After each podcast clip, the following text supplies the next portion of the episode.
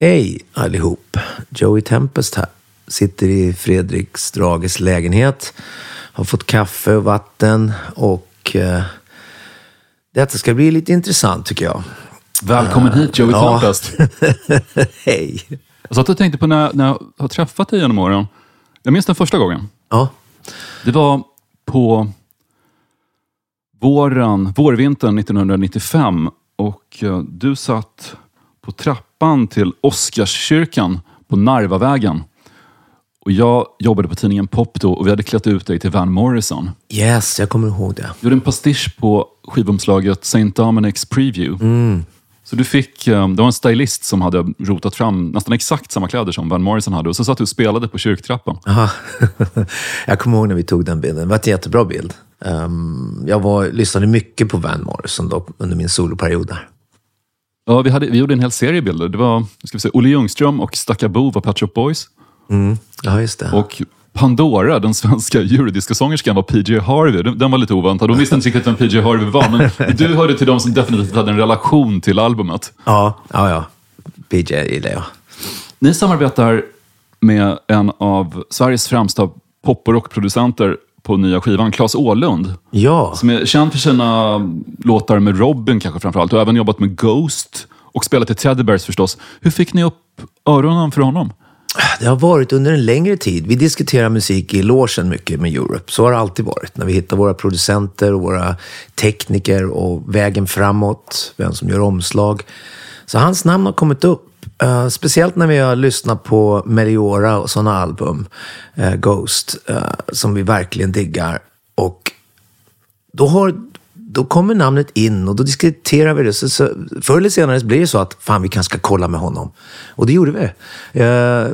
För ett tag sedan faktiskt. Och då hände det inget direkt, för alla kunde inte komma överens. Det, Europe är ett sånt band där, där, där ska alla känna att det är rätt. I alla fall en majoritet, men helst allihop. Och till slut så var det så att okej, vi träffar honom.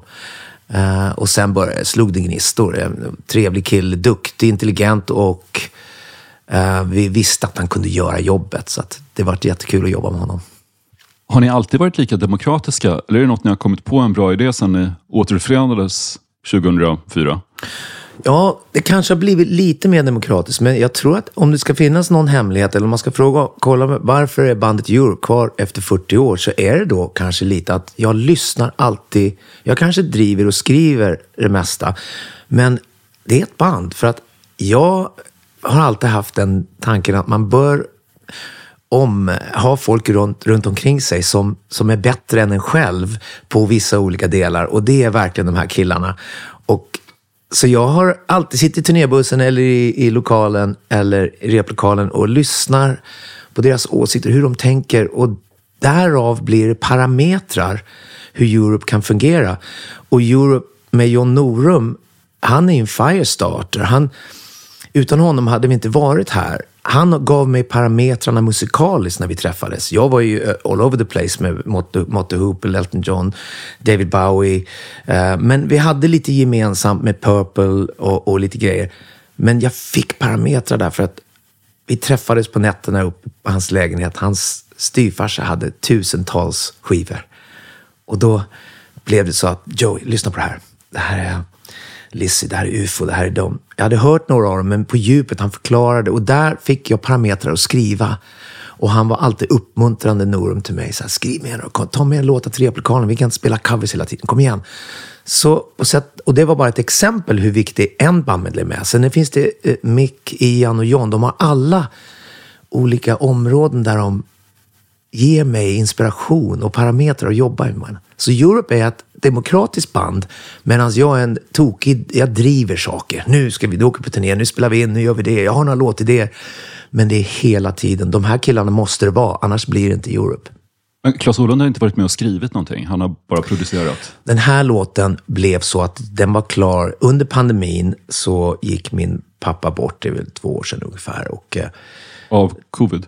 eh, nej, nej, han, eh, han, blev, han blev 90. Oj. Och så hade han nog något annat också. Så han låg länge på, på um, sjukhus där på slutet. Men jag var där mycket och um, Därav textidén, Hold your head up. Därav uh, själva budskapet som han var hela mitt liv. Uh, upp, kom igen, upp, upp och hoppa. Kör nu. Upp med huvudet. Du kan göra det här. Du ska vara stolt. Kör på. Uh, han sa det inte så många ord, men så kände jag att han agerade till mig, mot mig. Och ehm, texten där. Men låtidén kom också under pandemin, för då, då började jag om. Då fanns det helt plötsligt tid igen, Fredrik. Vad, liksom, vad är det här? Det här är något nytt, för det hade det inte. Det var liksom, wow! Det här var ju precis som att börja ett band. All den här tiden nu. Då började jag om helt, för då hade jag ju inga deadlines eller bolag eller, eller band eller turnéer. Det fanns ingenting. Då började jag skriva från helt scratch. Och du bor ju i England också. Ja, jag bor lite, i England. lite hårdare lockdown än Sverige. Ja, det var det verkligen. Så vi, det var ju tomt på gatorna. Det, man gick nästan inte ut. Och då fick jag den här tiden, eh, sitter ofta framför tvn som många andra gitarrister och låtskrivare har gjort. Kolla nyheter eller vad man gör. Så man gör två saker samtidigt. Då slappnar man av och skriver bättre. Spelar in alla idéer. Sätta ihop dem. Och då kom jag fram till den här uh, idén med Hold your head up. Och spelade upp det för killarna. Och eh, av någon anledning så sa alla, okej, okay, vad kul. Det händer inte alltid. Ett år, ett år tidigare, ett halvår tidigare, så träffade vi, träffades vi i Mix lägenhet och spelade upp fem idéer och det var liksom Ja, det där är ju okej, okay, men ja. Så jag fick en pos riktigt positiv och då tänkte jag, nu har vi en låt. Då kanske vi ska ta den här chansen och kontakta Klas. Men vi hade lite andra producenter också, Dave Cope naturligtvis och riktigt bra killar. Men okej, okay, sa allihop, vi provar. Sådär. Och det kommer ett album 2024? Det är planen. Om den kommer ut 2024 eller 2025, det får vi se. Men vi börjar spela in i, i vår.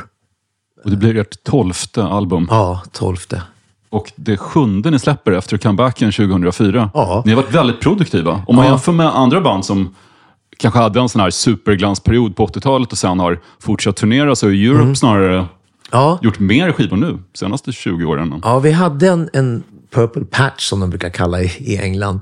Där med Bag of Bones, uh, War of Kings, Walk the Earth. De tre där. Det är väldigt plattor vi verkligen gillar också. Och det är intressant att i senare del av karriären så gör vi plattor vi är väldigt, känns väldigt nära och stolta över. Och, um, ja, nej, men vi har väl varit produktiva. Vi har turnerat mycket också. Så vi har väl jobbat till, sig någon, vi jobbat till oss någon form av jag vet inte om det är respekt eller någonting, men det är någonting som händer nu när vi turnerar. Vi får, jag vet inte vad, vi kanske, det är för lång och trogen tjänst kanske. ja, jag, de är okej okay i alla fall. Liksom, sådär, liksom. Är det mer stimulerande att skriva musik nu när du inte har pressen på dig att du måste leverera en världshit som du hade efter Final Countdown? Och ja, det var nog ett unikt tillfälle tror jag också. Um, när man har haft en så stor platta. Det är klart att men vi försökte, jag försökte inte ha, känna den pressen. Superstitious var ju tidig låt, skriven till, till för uppföljaren. Men eh, ja, som, för att svara på din fråga, jag har aldrig riktigt försökt, um, eller jag, jag, försöker inte känna någon press. Jag försöker skriva naturligt och prata med bandet och inte, och inte känna den här eh, pressen utifrån. Men det är klart att det kanske är mer avslappnat och vi skriver mer tillsammans och sådär. Så det är lite annat läge. Det kommer en dokumentär nästa år som heter Europe the Movie. Som Craig Hooper, en filmare, har jobbat på i flera år. Mm. Har ni um, någon typ av final cut på den eller får han göra precis vad han vill? Han har ganska fria händer. Han har åkt med oss i många år som du sa. Och tanken var att han skulle göra Tour the Earth, the movie. Inte dokumentären, den officiella dokumentären. Men under pandemin igen så hittade jag en låda med massa VHS-tejper som jag förde över till DVD. Och vår första manager var ju en av de här nördarna som gick omkring med en stor 83, 84, du vet de här riktigt stora VHS-kamerorna. Och alla sa till honom, vad håller du på med? Ska du filma nu igen? Ja, och nu har vi hotellrum, vi har backstage. 83, 84, 85, 86, 87, 88 i USA. 90-talet i Asien. Um, så då började jag känna, det kanske är dags, för vi har fått förfrågningar hela tiden. En biop eller vad det nu ska vara. Europe, kom igen, gör en dokumentär. Men då hade vi ju redan massa material från Craig. Han hade ju varit ute och turnerat med oss, Sydamerika och eh, andra ställen i världen. Och då tog vi beslutet, nu gör vi den riktiga dokumentären från Upplands Väsby ut i världen till Atlantis och Hold Your Head Up. Så den är med inspelningen av Hold Your Head Up börjar dokumentären. Så att man knyter ihop allting. Liksom. Hur pass privat är dokumentären? Det finns ju nästan en press på artister efter Metallica som Kind of Monster att man måste visa allt. Den, den, filmen var ju chockerande för att den Ja. kanske inte framställer dem så, som så, så smickrande dagar i alla scener. Nej, det har du rätt i. Men, men du har också rätt i att iaktta den på det sättet. Den blev också någonting annat. Den blev... Eh, helt plötsligt fick man se och, och, och höra känslor och, och bråk. Och det hade inte gjorts på det sättet tidigare.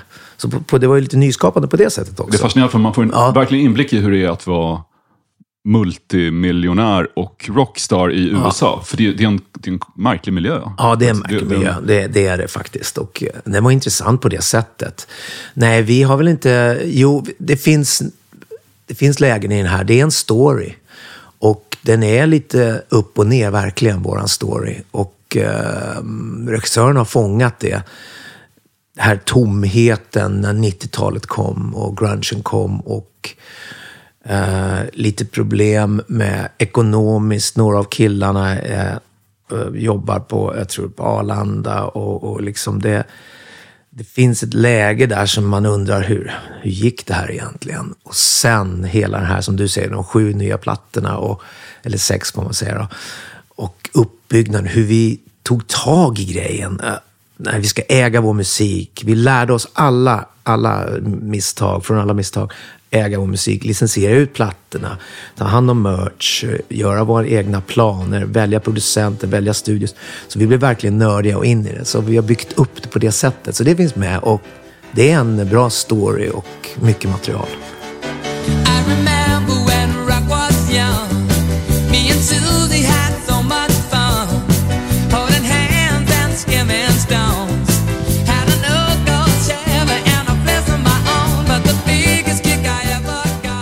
Crocodile Rock, ja, jag trodde inte du skulle ta med den Fredrik. Ja, det är kul. Um, den är väl kanske inte en superdjup låt, men den har en mening för mig. Den, när jag var jätteliten får man väl säga, man får säga 8-9 där någonstans, så stod det ett piano hemma.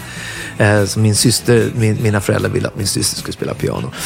Hon hade väl inte liksom börjat med det riktigt, men jag hade liksom hittat det här instrumentet och gitarren. Och samtidigt lyssnade jag mycket på radio. Um, och så hörde jag Crocodile Rock på radio. Jag tyckte det var, det var en ball låt, liksom. jag är nio år eller något sånt här.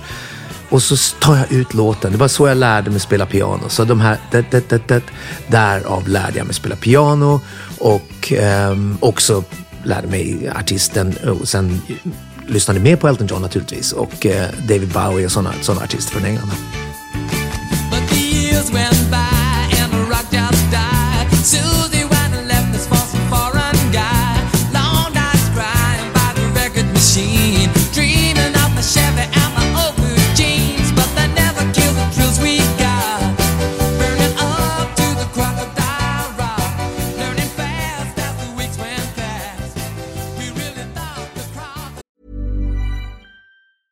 Life is full of awesome what ifs, and some not so much, like unexpected medical costs. That's why United Healthcare provides Health Protector Guard fixed indemnity insurance plans to supplement your primary plan and help manage out of pocket costs. Learn more at uh1.com.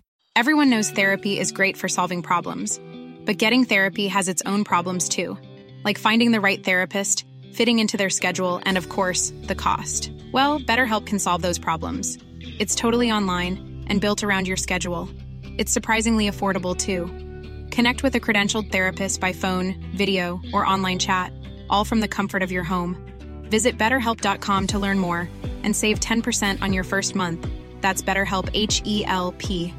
Quality sleep is essential. That's why the Sleep Number Smart Bed is designed for your ever evolving sleep needs. Need a bed that's firmer or softer on either side? Helps you sleep at a comfortable temperature? Sleep Number Smart Beds let you individualize your comfort so you sleep better together. JD Power ranks Sleep Number number 1 in customer satisfaction with mattresses purchased in-store. And now, save 50% on the Sleep Number limited edition Smart Bed for a limited time. For JD Power 2023 award information, visit jdpower.com/awards. Only at a Sleep Number store or sleepnumber.com.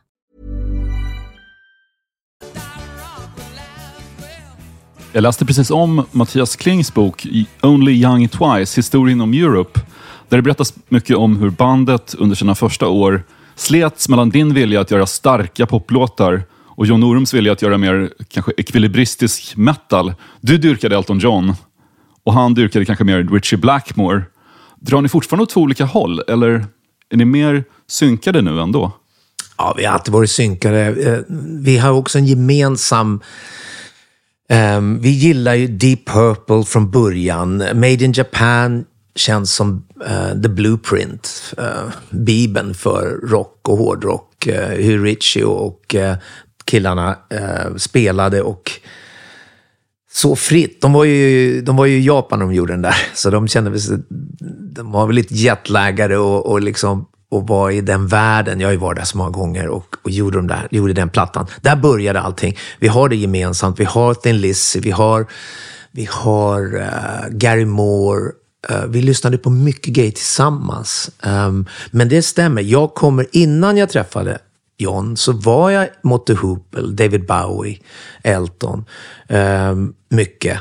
Sen hörde jag uh, Burn, Eh, jag hörde Led Zeppelin, Black Dog, jag hörde Burn med Deep Purple på radio och kassettejp som vi lånade av varann i samma veva som jag träffade John. Så att det fanns, där fanns ingången, liksom, den här e- brittiska rocken och då kände vi att vi hade någonting.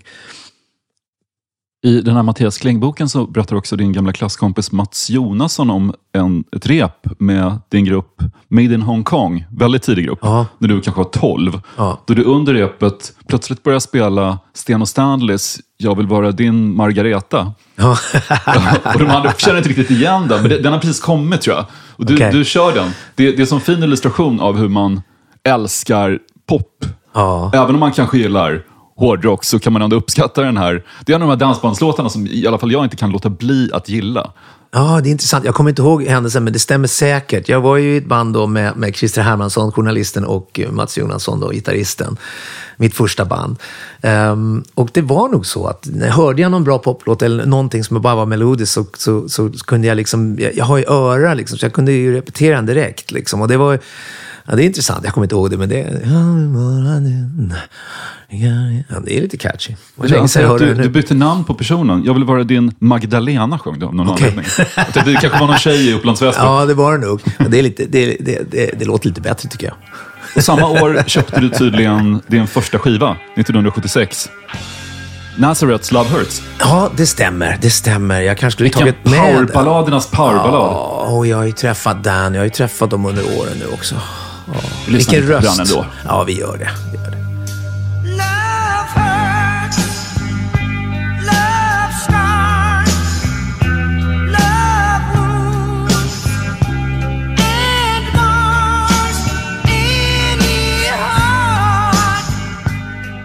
Ja, underbart. Alltså, vilken röst. Vilken tryckare.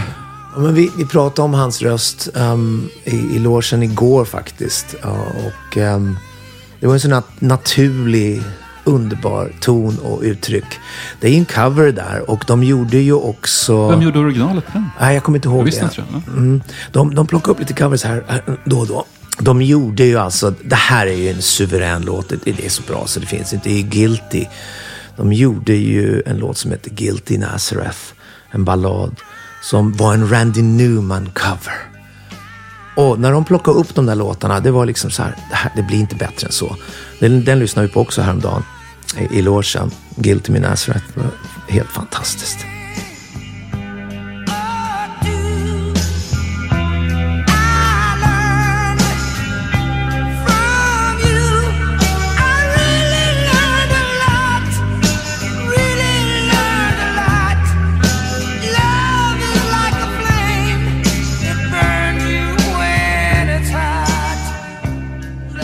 När du var 12 åkte du också till USA första gången.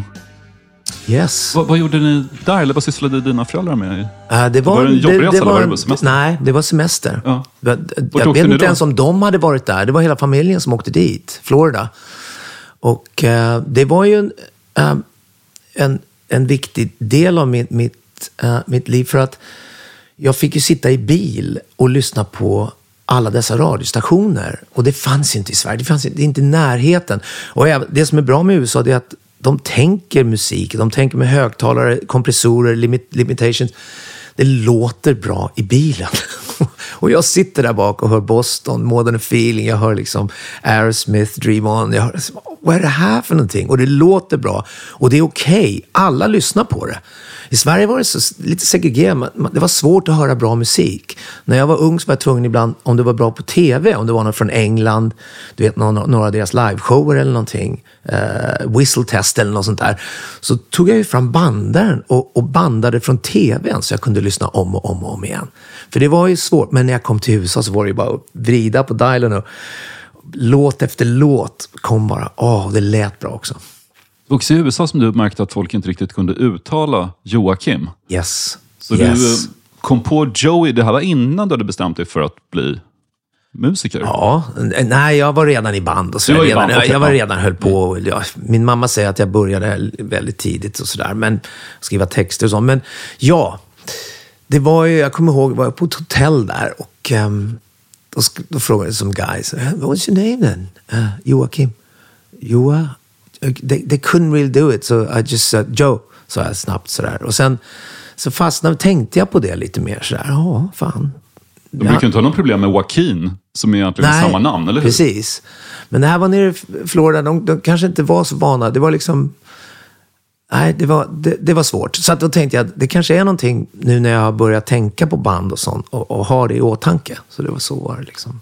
Och Tempest kom ifrån Shakespeare-pjäsen. Ja, Hade du sett den? ehm, nej, det, det, i dokumentären i, i, så det ska vi ändra lite. Det säger att det var en Shakespeare-pjäs. Det var inte riktigt så. Vad som hände var i Vilundaskolan smet jag ofta ner till biblioteket och läste Enemy och Melody Maker och allt sånt där. Och kollade bokböcker. Eh, och ehm, då, då, då såg jag Tempest med Shakespeare och eh, bläddrade igenom och så här. Och då såg jag en, Tempest, Joe Tempest, Joey Tempest kanske är bättre, kanske rinner bättre än Joe Tempest, Joey Tempest, okej. Och det var ju de banorna, det var ju de tiderna jag satt längst bak i klassen och, och övade liksom bandnamn, autografer och drömde. Jag hade, jag hade då träffat Norum och eh, eh, vi hade börjat verkligen känna att det här, vi har någonting, vi har någonting. Så att du skissade på bandlogga också? Då? Nej, inte, Det inte logga så du- mycket. Det, Det är en annan så här heavy metal-grej, att man sitter i skolan Ja, och ritar. jo. Jag tror Paul Stanley gjorde Ja. liksom Kiss-loggan redan Ja. i high school. Jag gjorde, jag gjorde försök, men där kände jag att jag hade limitationer. Så att det blev trummisens broder som eh, gjorde Europe-loggan lite senare. Men jag skrev ju Europe naturligtvis och sådär. Har Joey Tempest blivit som en frikopplad gestalt för dig genom åren? Att det är en, en persona du har på scen? Eller är det mer som att du faktiskt har blivit Joey Tempest ungefär som Reginald Dwight är Elton John? Att det Nej, jag, jag tror inte det. Jag är så förankrad med mamma, pappa som har gått bort nu, min syster, min bror, kallar mig Jocke eller Joakim. Eh, min fru är engelska, nu säger ju Joey naturligtvis. Men jag är också väldigt privat och väldigt familjeman, så jag känner att jag kan separera det. Så när jag, när jag åker iväg, jag är jag ofta i och för sig, så känner jag att okej, nu är det dags för jobb. Så att det känns lite så mm, att jag har lyckats hålla en privat värld. Men där är du Joey för din familj. Ja, jag vet. Det är lite konstigt. Precis. Men ja, känslan av det är, Ja. är att jag, att jag känner, känner mig så. Pratar dina barn någon svenska förresten? Lite grann, men eh, jag har inte varit så... De bor i, England, engelsk mamma, engelsk tv, radio. Så det, Ingen, ingen hemspråksundervisning? ja, det, det, och det, vi håller på att fundera på det, för att det, det är liksom lite skakigt där. Men eh, vi får se. Jag tittade på den här SVT-dokumentären Hårdrock på export. Där Leif Edling från Candlemass säger det var svårt att inte bli hårdrockare om du växte upp i, Upp- i Upplands Väsby. Varenda jävel bildade band. Ja, det stämmer. Det var festivaler som anordnades av ungdomsgårdar och det var skolor som hade festivaler. Jag vet inte varför, men Väsby hade den där grejen. Och många, Leif var ju där naturligtvis, vi kände honom. Eh, Yngve flyttade dit under en lång period. Eh, vi kände honom också. Och Europe naturligtvis var där. Eh, och andra band. Eh, Avalon. det fanns många band, jag, jag kommer inte ihåg allt nu. Men runt varje hörn så hörde man någon repa. Liksom. Det, var- det, var, det var fascinerande faktiskt.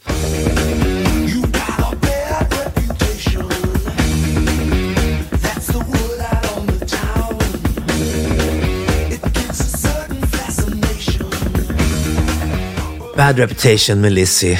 Uh, det blir inte bättre hårdrock så här. Vi har det här gemensamt i hela bandet, speciellt jag och Norum och det är det liksom. Det här är på riktigt.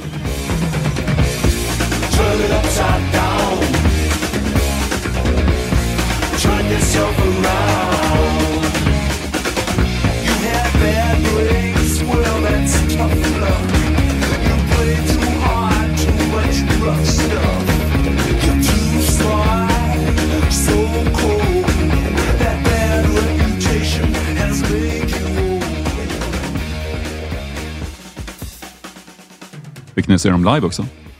Ja, många gånger. De kom ju till isstadion. De, de tyckte ju om det. Det var, det var en grej med isstadion och Stockholm att de flesta rockbanden kom hit. Det kände du säkert till också.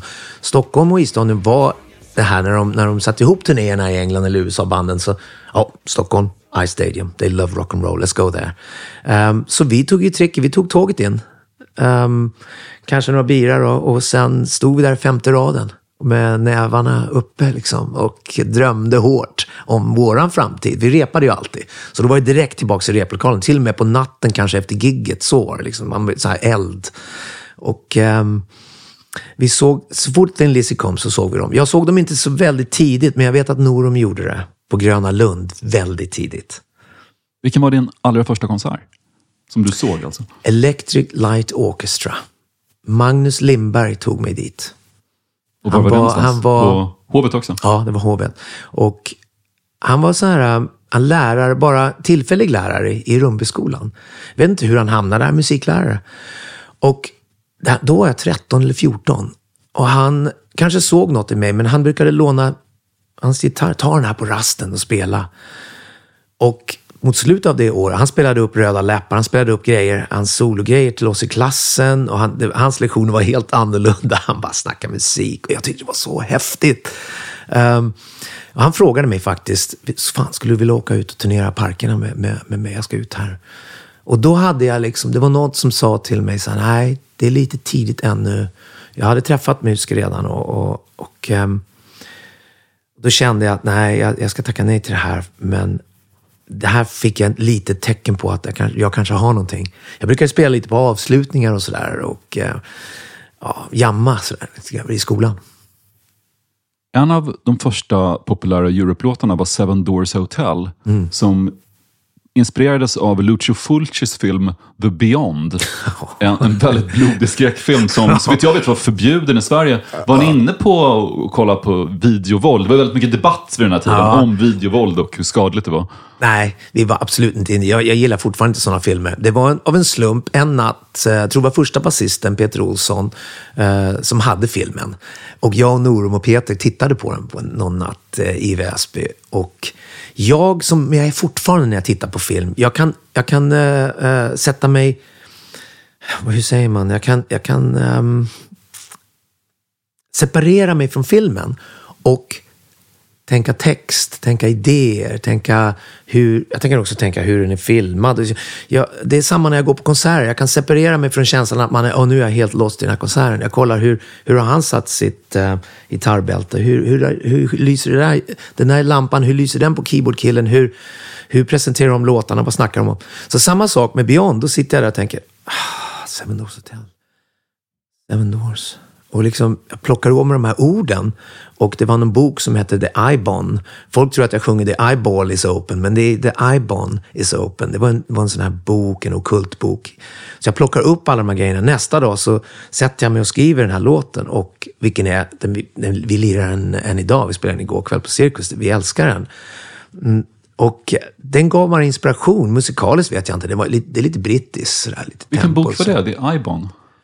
Den är i filmen tydligen. Så Okej. öppnas det en typ okult bibel eller någonting som heter The Ibon. Har jag för mig i alla fall. Där fick jag inspirationen. Men ni kom aldrig in i okultism på nej, riktigt på nej. något vis? Det var ganska poppis inom Ja. hårdrock för den här tiden. Ja, nej, nej. Jag, kanske Peter var basisten där ett litet tag, men det vet jag inte. Men det var mer som en inspirationskälla för mig.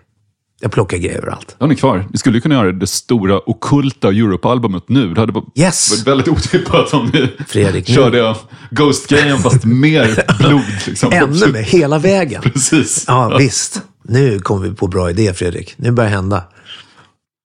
Ert bandnamn hämtar ni delvis från Deep Purples Live in Europe. Ja. Det var, det var inte så att ni också ville låta lite som Boston eller Asia eller sådana grupper som var döpta efter orter och kontinenter? Jag tror inte det. Vi var inte så bevandrade i de banden. Inte alla i alla fall, som Asia och sånt där. Boston kände man ju till. Men eh, jag satt på en perrong, eh, jag hade något jobb där då, i, i Häggvik. Jag satt, satt på en perrong och började liksom mentalt, så här, eh, tonight ladies and gentlemen, on stage. Och så började jag liksom tänka, hur, vad skulle funka här i Europe? Och så tänkte jag, ja, fan det där kanske funkar. Eh, jag hade sett det då från Made in Europe, det var där jag plockade det säkert. Och sen, men när jag presenterar bandet, det är ju en, det är en rolig story, men, men det är ju, då är jag tvungen att hem, kom hem till mig grabbar, jag har ett nytt band, vi ska byta från Force. För vi hade ju Rising Force, eh, Yngves band då. Och vi hade Forsit, som vi säkert kom namnet, på namnet från, eh, med UF, plattan med UFO och Forceit. Men vi tänkte, det, här, det är dags att byta. kom jag på det, så bjöd jag hem killarna. Jag tänkte, jag måste få några öl i dem, det går inte annars. Alltså. Så jag började med, ta några öl. Men, men kom igen nu, vad är namnet? Vad är, vad är det då? Nej, nej, ta det lugnt här nu. Ta några öl till. och sen så försöker jag hålla ut så länge jag kan. Till de börjar bli lite, åh okej då, vad är det då? Så säger jag så här, Europe. Då var det dödstyst. Då var det så här, bara, John och John bara kollar på varandra. Ah, det här är det värsta namn jag har hört, typ. Vad är reaktionen jag fick? Liksom. Men sen några bira till och så, ja, vi ska tänka på det. Och sen mot slutet av kvällen, åh fan, det, det, det där är det bästa namnet. Så att, eh, vad man tycker om det kan man ju, kan man ju tvista om, men eh, det fungerade och fastnade i alla fall.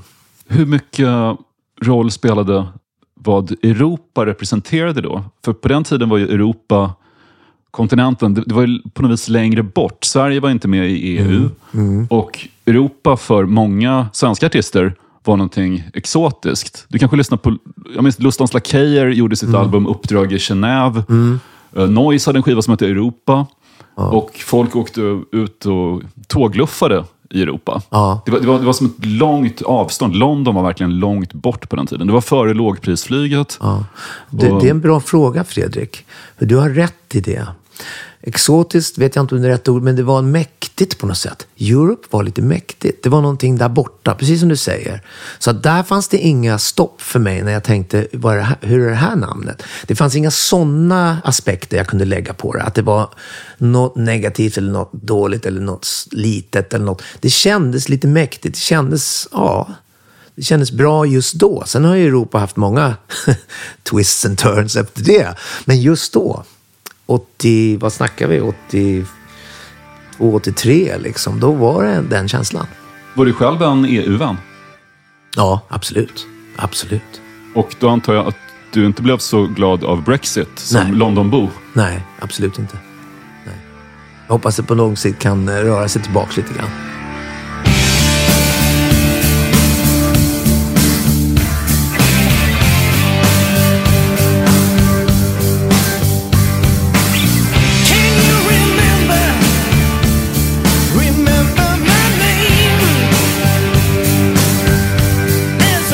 Det är också den här i-stadion-grejen. För att Deep Purple kan vi gå tillbaks till tidigare plattor. Burn som jag hörde och eh, Made in Japan som vi pratade om. Men just Perfect Strange var så viktig för att där gick vi hela bandet, eller i alla fall tre eller fyra av oss på isstadion och tittade på när Ian Gillan och Richie var tillbaks tillsammans. Och naturligtvis Ian Pace och Roger Glover och John Lord. Oh, och där hade de en lasershow med sig. Så i delar av partier i den här låten så bara stod vi där. Wow! Stod där och bara, bara njöt och verkligen kom in i den konserten och bara se de här medlemmarna ihop igen. Det var otroligt viktigt, så där kommer jag ihåg eh, nästa dag att vi, vi höll på med Wings of Tomorrow runt den tiden. Så det var väldigt inspirerande. Och vi hade ju alltid den där drömmen, vi vill vara lite som Deep Purple, ett turnerande världsband. Det här med att bli på poplistor och sånt där, det hade vi aldrig tänkt. Um, men att bli ett turnerande rockband eftersom när ni ser här bandet Europe spela, mina kompisar är så otroligt duktiga musiker. Så att det var musikersidan och turnéansidan som, som väcktes upp av Deep Purple.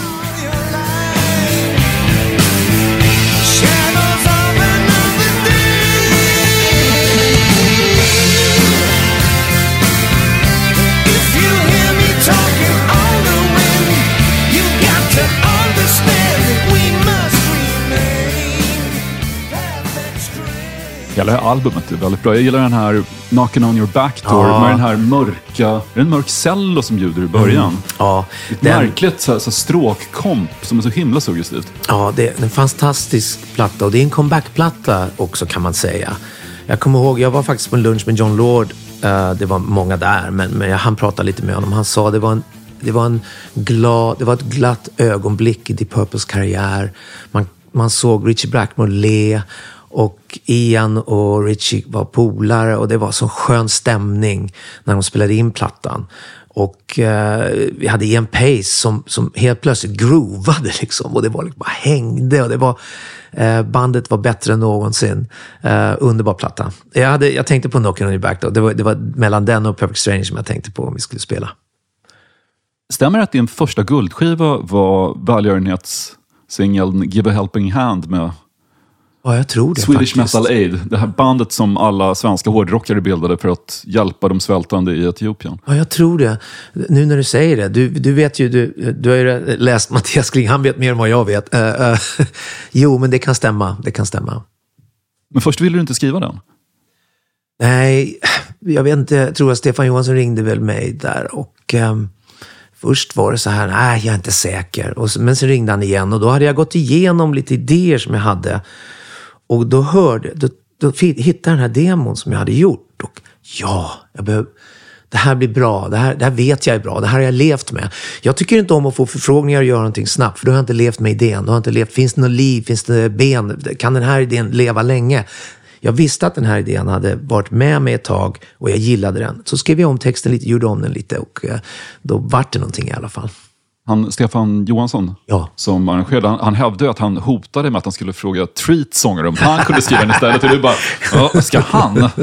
Det, det, det är kul att det hotet om konkurrens, liksom, okej, suck on this. Ja, Sen- det kan det vara så. Jag minns inte, men det är inte omöjligt. Stefan kunde göra sådana grejer ibland. Han var rätt rolig. Om man tittar på den inspelningen nu från, från tv så det ser ju lite kitschigt ut, men det är något i låten som verkligen griper tag ändå. Den, den, är, den har, den har sorg, någon sorg över sig som, Mm. Det är som är stark. Liksom. Ja, jag gillar det där. Det är lite moll och sen glider man upp och leker lite med dur. Och den har den här melankoliska skandinaviska grejen som jag älskar. Och Europe hade ju det också. I våra tidiga plattor låg vi i e-moll mycket. Sen så blev det uppgraderades till F-sharp minor där. Liksom F-moll. Um, men det finns någonting där i svensk musik och finsk musik. Nästan mer ibland det här moll och eh, som i Mustalainen och allt det där. Det, är liksom, det finns någonting um, som vi har använt. Minns du något av efterfesten till Give a helping hand-inspelningen? Nej, det gör jag tyvärr inte. I, var... i, I boken om tidningen Okej så berättas om hur Café Opera levererade mat. Och de kom med enorma mängder revbensspjäll, hamburgare, nachos och kycklinglår. Okej. Och hårdrockarna var jättehungriga. Åt jätte, jättemycket. Så var det någon som tyckte att nej, det här är smaklöst. Vi, vi ska ju stötta de svältande i Etiopien. och någon typ, Ian Haugland, säger bara, men vadå, mår de bättre av att vi inte äter upp vår mat? Han kan ha roliga teorier ibland. Ja. Sen, men det, det fina i den här boken om Okej så påpekar de då att många av de här banden inte hade speciellt mycket pengar. Utan Nej. fick de chansen att käka gratis middag och då Det- tror man det. Det är nog mer sanningen. Ja, det var så här, ju... he, hela Treat gick på a-kassa. Ja, Key var- Marcello hade ingen bostad. Nej, det var tidigt. Vi hade inte ens eh, fått eh, riktigt no, no, no, no, liksom foundation eh, och stöd. Det, liksom, det var tidigt. Väldigt tidigt. Och, men jag tyckte det var kul att alla kom ihop och alla rockband. Man fick träffa banden som man inte visste. Ja, fan, lirar ni hårdrock också? Vad kul. Det, var, det var en ganska kul grej. Ett av de minsta banden som nämns i den här Okej-boken, som dock inte var med på det, var Mogg från Umeå. Ja, Som där beskrivs som Sveriges fattigaste band. Hej. Eftersom deras basist ibland åt uppblött tidningspapper. Eftersom Okej. det var fiber i det också. Ja, men det Det är stämmer. ändå på det var på den nivån. Ja, street level. Ja, verkligen. verkligen. Nej, men det var tidigt i rockhistorien i, i Sverige. Hårdrock. ehm, vågen. Det var väldigt tidigt. Vad fick dig att raka av mustaschen som du hade på första Europe-skivan? ja, när jag var liten så hade min bror mustasch. Och innan jag, och han var ett år yngre, så jag var alltid irriterad på det. Så tänkte jag, fan jag ska vänta, jag ska också ha en. Så det var mer jag och brorsan ville ha mustascher. Uh, sen, sen hängde den med ett tag. Jag, vin, jag minns inte ögonblicket, men det kanske var i samband med, jag såg Robert Plant och de här killarna som jag verkligen, och Zeppelin när, när de var live, när de stod på scenen. De, det var också det var också underhållningen och hur man såg ut var också en del av det.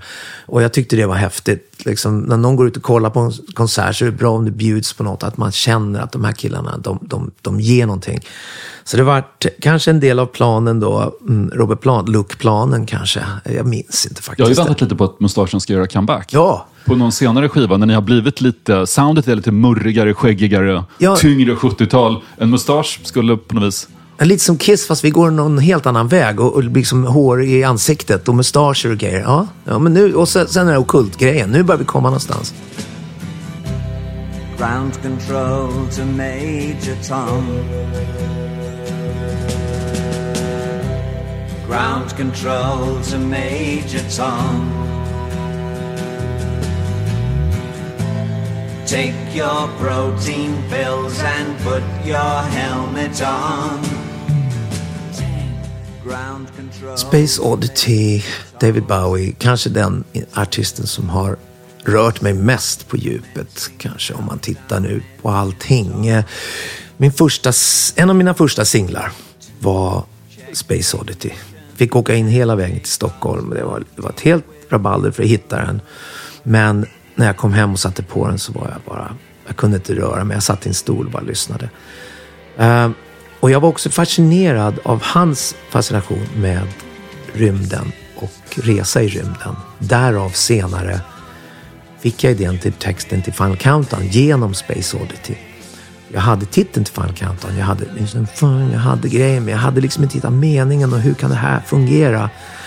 Och då blev det så att vi lämnar denna jorden, den är använd och eh, då hade jag lite det här Floating in a tin can ut i rymden med Bowie som, som inspiration till den texten. Så det, på många plan är den här en väldigt viktig och en underbar låt. And I'm floating in most peculiar way. And the stars look very different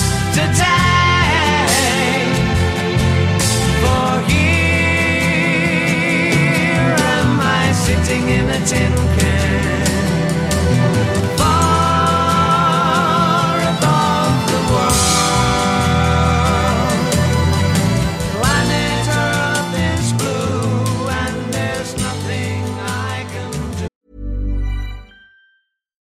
Here's a cool fact a crocodile can't stick out its tongue.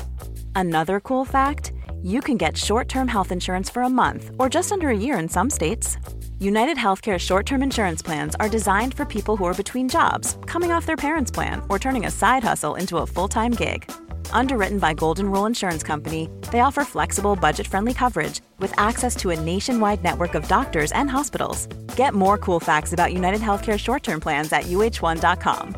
Quality sleep is essential. That's why the Sleep Number Smart Bed is designed for your ever evolving sleep needs. Need a bed that's firmer or softer on either side? Helps you sleep at a comfortable temperature? Sleep Number Smart Beds let you individualize your comfort so you sleep better together. JD Power ranks Sleep Number number 1 in customer satisfaction with mattresses purchased in-store. And now, save 50% on the Sleep Number limited edition Smart Bed for a limited time. For JD Power 2023 award information, visit jdpower.com/awards. Only at a Sleep Number store or sleepnumber.com. Millions of people have lost weight with personalized plans from Noom, like Evan, who can't stand salads and still lost 50 pounds. Salads, generally, for most people, are the easy button, right? For me, that wasn't an option. I never really was a salad guy. That's just not who I am. But Noom worked for me. Get your personalized plan today at Noom.com. Real Noom user compensated to provide their story. In four weeks, the typical Noom user can expect to lose one to two pounds per week. Individual results may vary.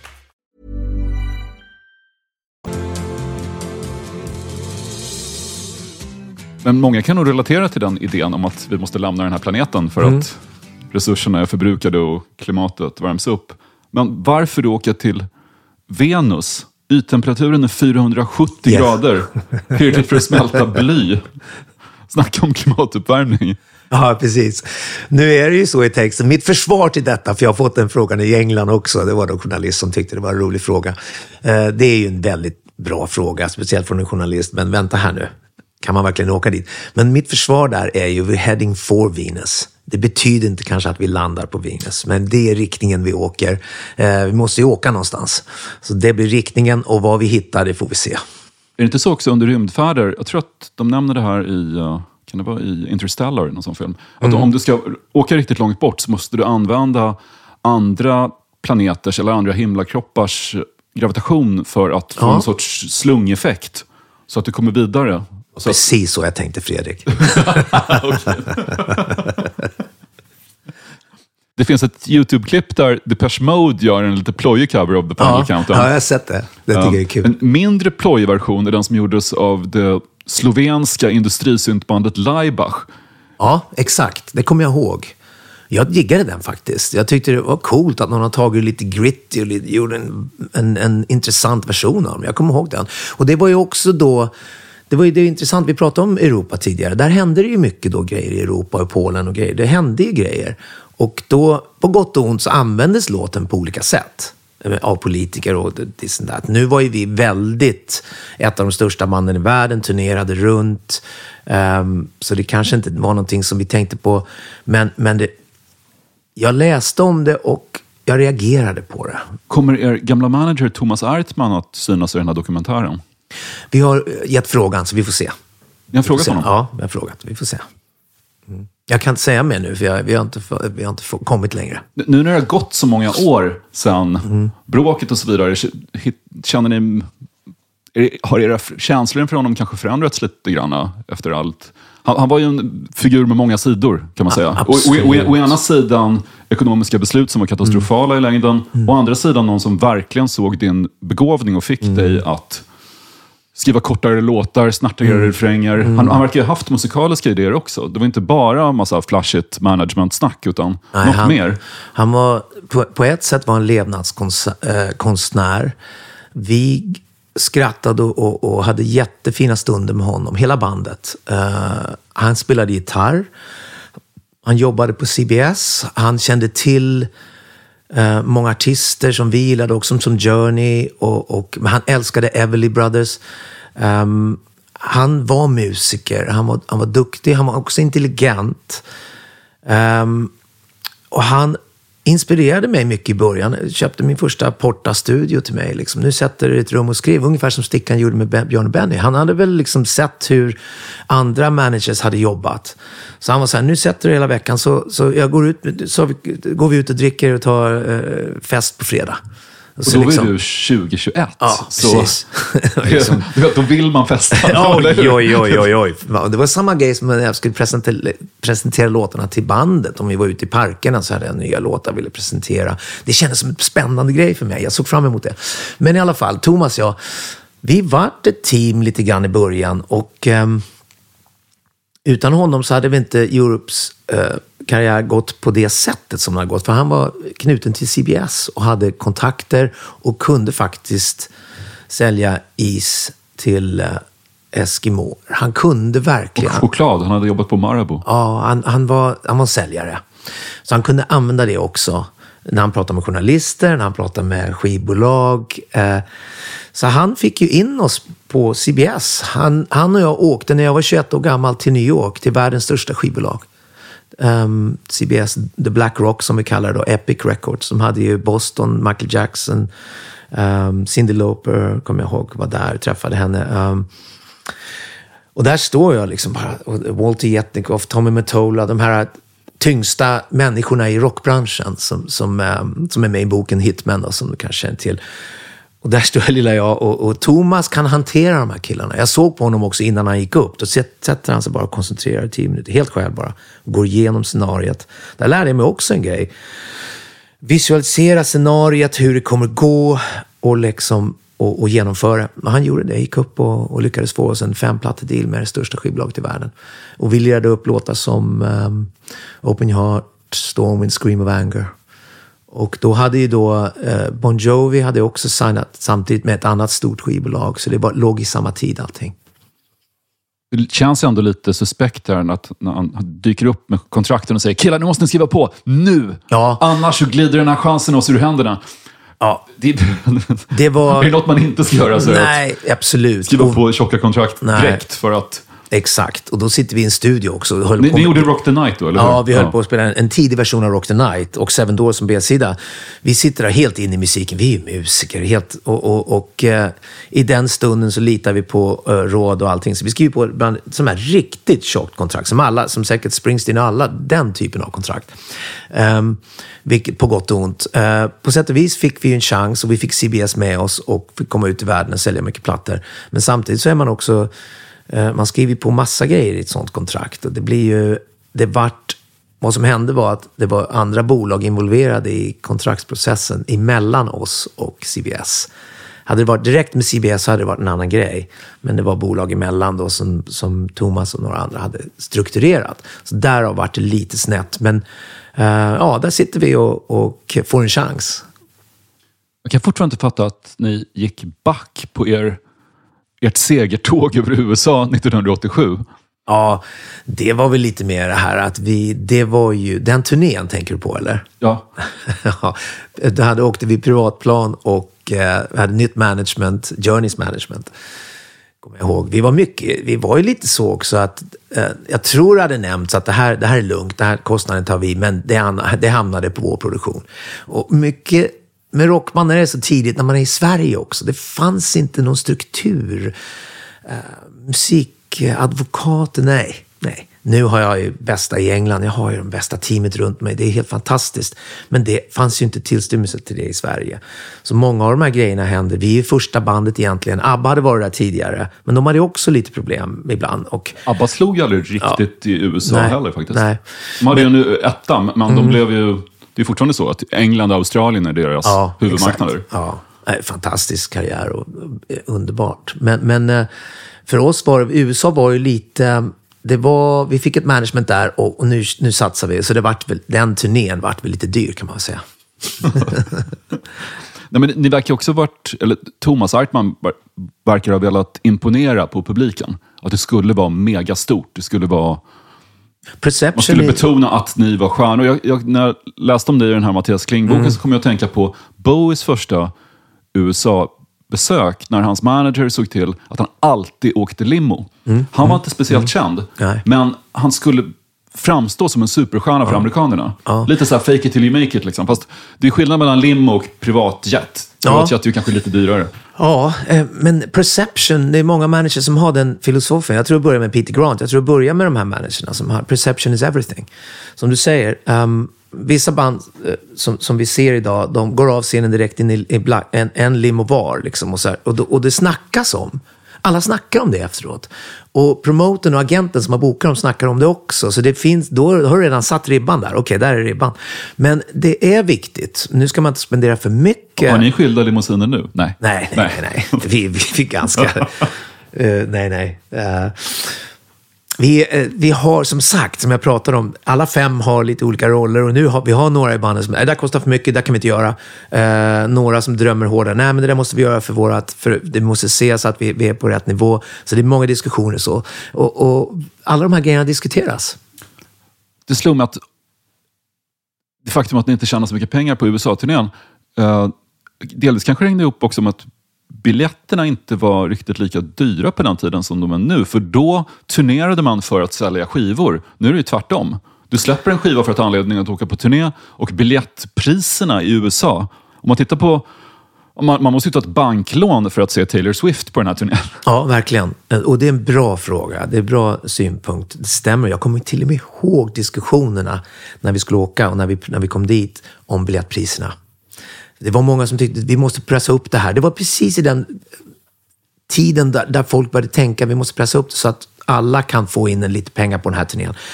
Det stämmer faktiskt. Jag kommer ihåg diskussionerna gick runt just om biljettpriserna också. Det jag har läst om den USA-turnén och även Europa-turnén, det verkar som om hela bandet verkligen njuter av rockstjärnelivet och festar järnet. Medan du drar dig tillbaka till din svit och sitter där och filar på nästa epos.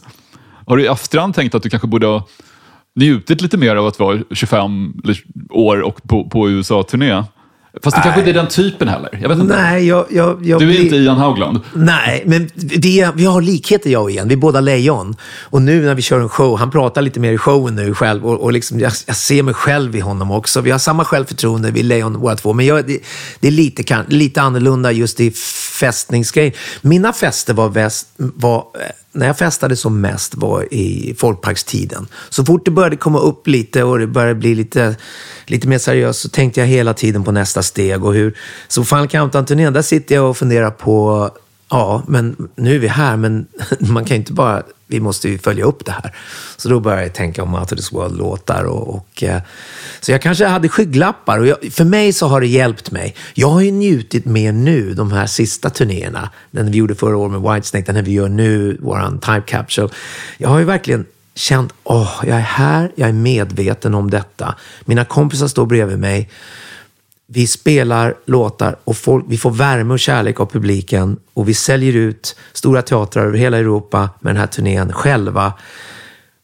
Och jag kan verkligen njuta av det nu. Jag tror att jag såg också många exempel. Jag träffade Brian Connolly efter att han har haft lite problem, mycket droger och mycket grejer. Han kom till Manchester när vi spelade där. 88 tror jag. Och jag såg han skaka och tänkte, oh, okej. Jag träffade också andra, träffade andra band som, som drack alldeles för mycket alkohol. Och man kunde se att de förändrades som personer. Vi såg dem från år till år och man kunde se att den här snubben börjar gå lite konstigt där nu. Så man började se tecken på, okej, man kanske borde ta det lite lugnt med, med... Och i USA var ju problemet också, alla fester, om vi kom till LA, om man skulle... Jag gick inte på de här festerna så ofta, för att jag visste att där är det en skål med kokain. Och där är det glädje och gamma och där blir man indragen i den grejen. Och, och är man en sån person som blir um, fast på grejer, då, då är det kört. Så att nu tror jag inte jag är det heller, men jag kände också att jag tror inte jag vill hänga där med, med någon som pratar alldeles för mycket och tycker för mycket om sig själv liksom, och hela tiden. Och Jag, jag, jag um, drar mig helt tillbaks, funderar lite på texter och grejer och, och eh, pratar med management och sådär. Och eh, advokater om det behövdes. Så att jag försökte alltid hålla någon form av koll. Ni skulle också lanseras i Sovjetunionen och i Indien. Mm. Spelar ni någonsin i de länderna? Vi kom till Moskva 88. Och det var helt öde, öde på gatorna. Det var ju under den perioden, sluttampen där. Ehm, vi var där med ett tv-program och gjorde, ett, gjorde en, eh, några låtar, Final Countdown, på rysk tv.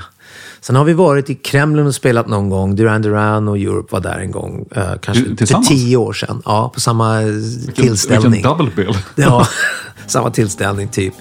Eh, det är väl de eh, två gångerna vi har varit där. Det har aldrig blivit någon lansering. Jo, vi har gjort några andra gig. Sankt Petersburg och Moskva någon gång, men 10-15 år sedan. Ja.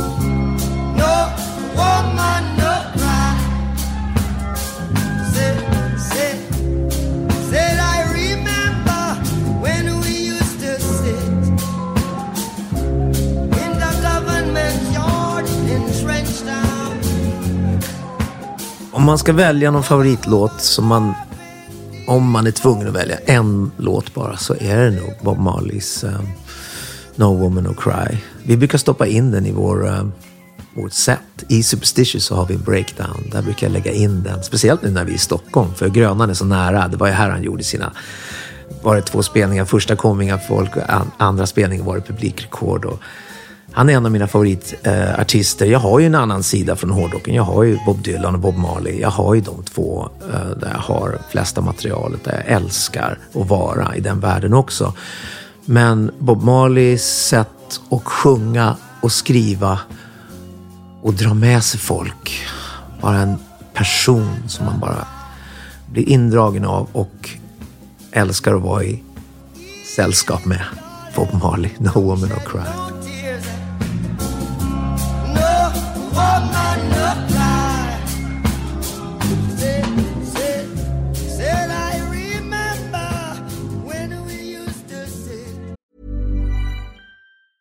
Mom deserves the best, and there's no better place to shop for Mother's Day than Whole Foods Market. They're your destination for unbeatable savings, from premium gifts to show-stopping flowers and irresistible desserts. Start by saving 33% with Prime on all body care and candles. Then get a 15-stem bunch of tulips for just $9.99 each with Prime. Round out Mom's menu with festive rosé, irresistible berry chantilly cake, and more special treats. Come celebrate Mother's Day at Whole Foods Market.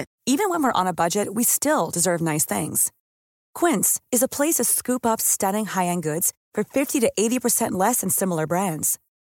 They have buttery soft cashmere sweaters starting at $50, luxurious Italian leather bags, and so much more. Plus, Quince only works with factories that use safe, ethical, and responsible manufacturing. Get the high-end goods you'll love without the high price tag with Quince. Go to quince.com slash style for free shipping and 365-day returns. Syftade titeln på ert femte album, Prisoners in Paradise, på att ni var fångar i ett skatteparadis? Eller är det bara en myt? Det är ingen myt, men det var mer ett skämt från vår sida. Uh, we need mainland. Vi, vi måste till New York eller London eller hem till Stockholm. Uh, vi känns som fångar i paradiset här. Det här kanske inte var så bra idé. De, de tankarna liksom.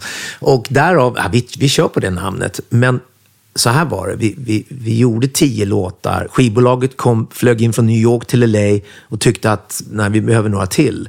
Och av någon anledning, jag, var, jag var, reste i Midwest i Amerika kom på den här idén i huvudet. Hyrde någon grej från musikaffär mitt i Amerika och sätter ihop någon i hotell och bara skriver Prisoners i ett svep, riktigt snabbt. Presenterar det för New York och de var liksom yes! Så det blir första singeln. Så på sätt och vis att, att, att New York också sa vi behöver fler låtar så kom den till. Samtidigt var det lite jobbigt för att det var några låtar som vi verkligen ville ha på plattan som inte kom med. Som de andra killarna älskar och jag också. Som Break Free, Long Time Coming och det var lite andra grejer också. Så där är det enda tillfället skivbolag någonsin har haft gått in och lyckats göra någon förändring. Annars har vi aldrig tillåtit det. Vi har alltid gjort klart låtarna, demosarna och alltid presenterat det. 90-talet var ju lite av en ekonomisk ökenvandring för många i bandet på grund av skattemyndigheterna. Mm. Var, var du den enda som inte behövde ta ett dayjob för att klara dig?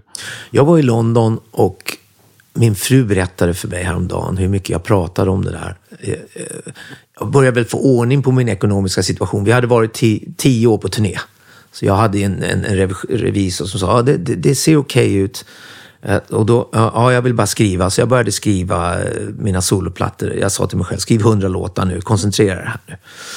Um, och jag pratade med killarna i bandet och min fru berättade, fan du pratade om dem du kände, så här, du kände en tomhet med Europe men du känner också liksom, vad konstigt, de har de här problemen hemma. För att de flyttade hem så kom skattemyndigheten till dem och sa, ni har en skuld här och sådär. Och det var ju jättesvårt för dem och, och det var en jättekonstig period för mig. Jag, jag satte min, mina skygglappar igen och började skriva och sen kommer Place Call Home.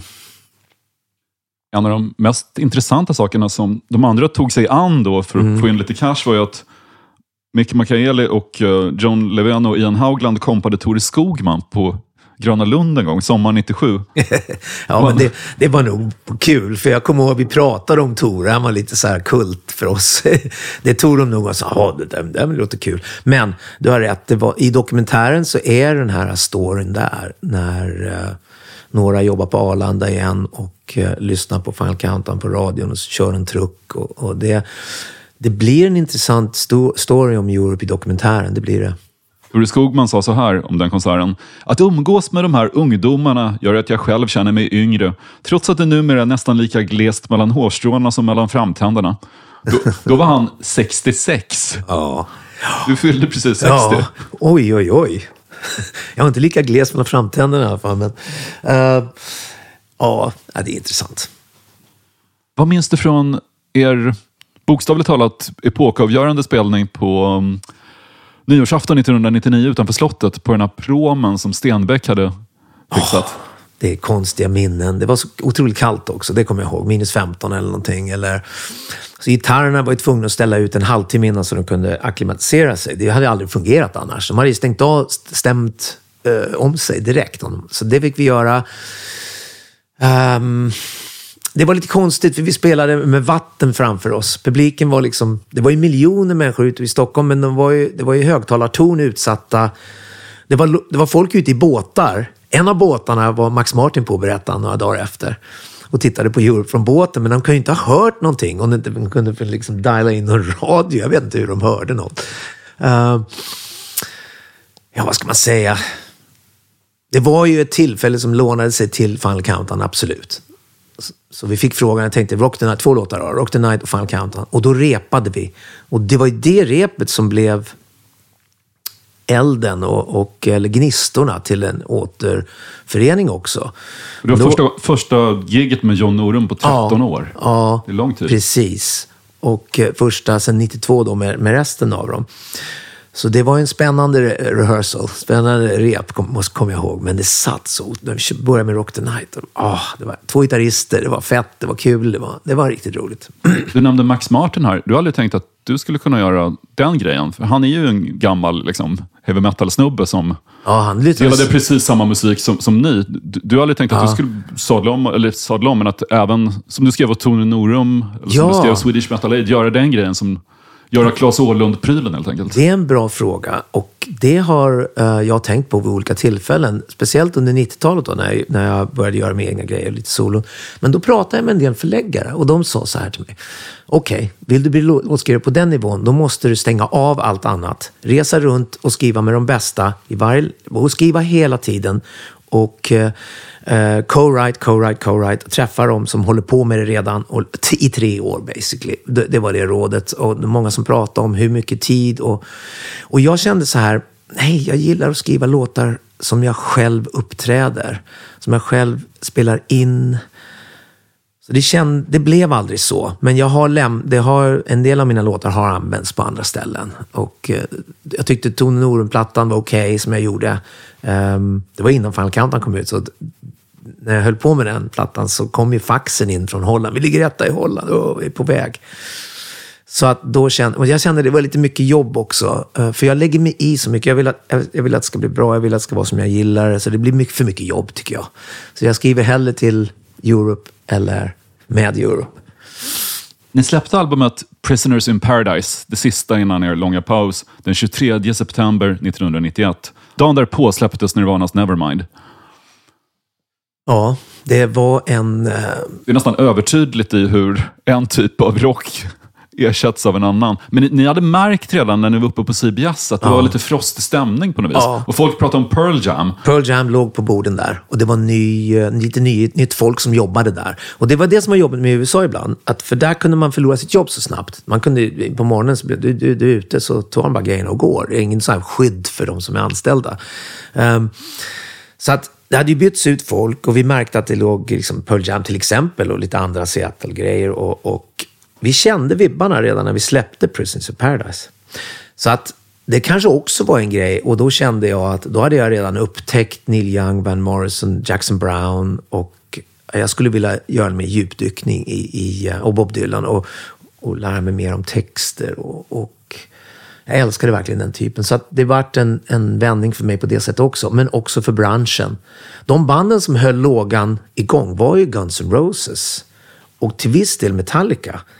Och därav levde ju hårdrocken och kunde återupplivas med, med Audioslave. Där hände det någonting. Början på 2000 kom den plattan, deras första platta. Och den var ju rotad i vår musik, men ändå lite grunge i. Och Sen var det som att ni tog lite av Audioslave på Ja. Start from the Dark. Ja, det gjorde vi. För vi kände att här finns det någonting. Fortfarande har vi det förflutna, men det känns lite fräscht. Lite, vi, vi, vi stämmer ner någon ton här, vi gör det och vi... Jag kände att jag kunde skriva på ett nytt sätt. Norum hade levt i LA på ett tag och började stämma ner gitarren lite. Det fanns en ny väg, nya parametrar igen, helt plötsligt.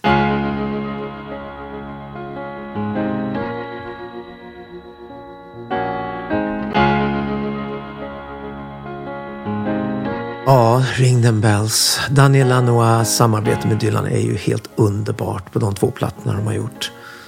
Det, det finns ingen bättre musik egentligen för mig och jag tror jag har det här gemensamt med Springsteen också. Jag såg någon intervju för inte så länge sedan där han nämner Ring the Bell som kanske hans favorit Bob Dylan-låt. Och det är min favorit Bob Dylan-låt. Um, det har varit jättelänge. Det är en sån låt som när jag kör bilen, när jag kommer ihåg när jag hörde den i början, eller satte på den, så är jag näst, ja, jag är tvungen att stanna, köra bilen till sidan och stanna bilen och bara, eh, bara sluta ögonen och lyssna. Det är liksom, det blir inte bättre än så. Ring them bells, ye heathen from the city that dreams. Ring them bells from the sanctuaries across the valleys and streams. For the deep and the wide, and the world's on its side. Har du fått träffa Dylan någon gång? Nej, jag har sett många eh, gig jag har gjort. Bra och dåliga, för han, han gör ju sin grej liksom. Men, Han är inte riktigt du på scen. Det är inte så att han Nej. har tjusiga påsar med mikrofonstativet som... han tänker på ett helt annat sätt och det är jag fascinerad av också. Jag vet inte, jag har sett många intervjuer, det är svårt att avgöra, men, men han, bara att han är där och lirar eh, och, och, och, och framför de här texterna och kör de här låtarna, då, det, det är samma för honom som för mig när jag är uppe på en monitor och bara raise the hand.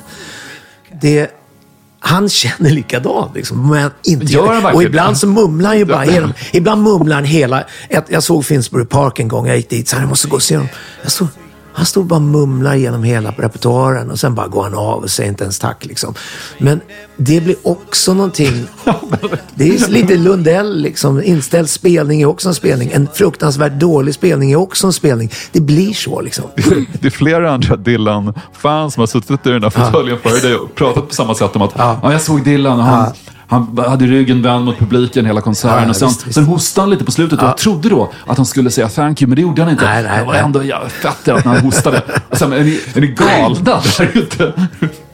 Men det, det är lite det som är legenden i honom också. Att han, Nej, Det... det, Då, det, det, det är mer jättejobbigt. Ja. Och, om man nu gillar låtarna, att han, han sjunger dem kanske också i en helt annan tonart. Ja, visst. Han och mycket helt- gnälligare. ja. Och den här väldigt gnälliga rösten lägger han till ibland Och också. sen slänger han in någon, någon sån här ragtime-cover från 1920-talet. Ja. Ja. Nej, vissa konserter har varit så här, nej men det här Det är lite, lite masochism över Ja, det är det. det, är det. Dylan live.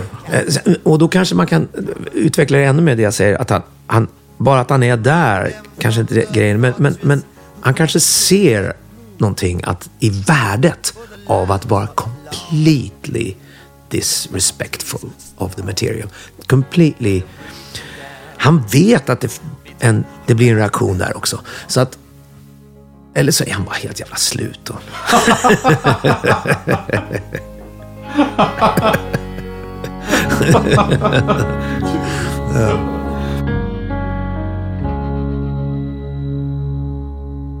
Det finns en historia om när ni spelade in Prisoners in Paradise och bodde i Oakwood Apartment i Los Mm. Angeles. Hyrlägenheter som, som, där man kunde bo.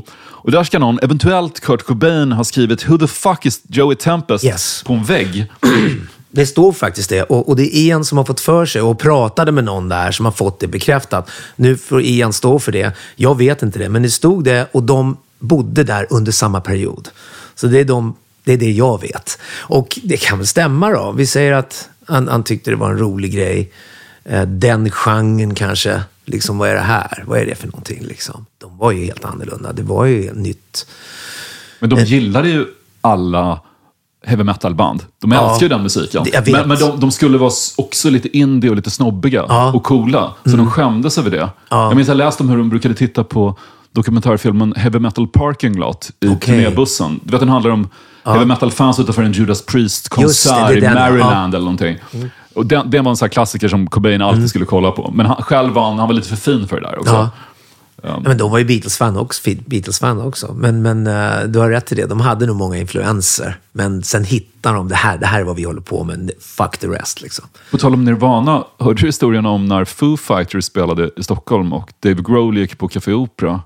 Jag tror inte det. Han får syn på Yngwie Malmsten, Okej. som också är där. Mm. Så Dave Grohl frågar någon på sitt skivbolag, men kan inte du gå bort och fråga Yngwie Malmsten om det är okej att vi kommer fram och snackar lite Mm. grann? Han verkar cool. Och Yngwie Malmsten bara, Foo Fighters, vilka är det? Han har aldrig hört talas om dem. Jo, men han, sångaren i Foo Fighters, han var trummis i Nirvana, förklarar mm. skivbolaget. Och Yngwie Malmsteen säger, Nirvana, jävla skitband, de kunde inte ens stämma sina gitarrer.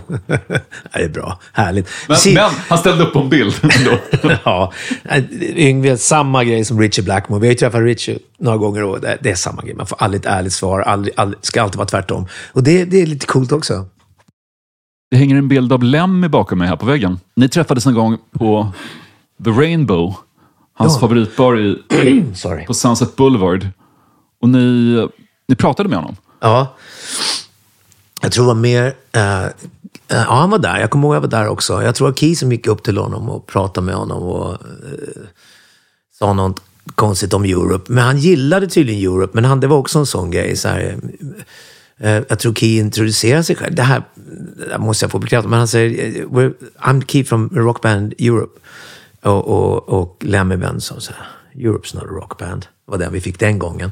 Och sen hade vi lite revansch i England när, när Kerrang skrev Europe louder than Motorhead.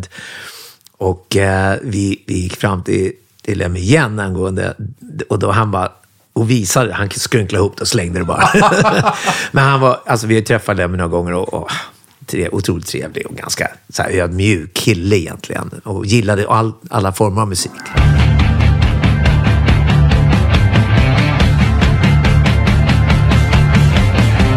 Tack Fredrik. Nu ska jag dra till Cirkus. Vi har ett gig till här. Uh, vår 40 anniversary time capsule tour. Så jag ska lira ikväll och det går så bra på den här turnén. Sista giget, 21 shower gjorda, 20. Och eh, sen är det hem till London och sen åker vi till Japan i januari och fortsätter. Vi kör på. Dokumentären kommer, ny platta sen. Joey Tempest, tack för att du kom hit. Tack Fredrik, vi ses.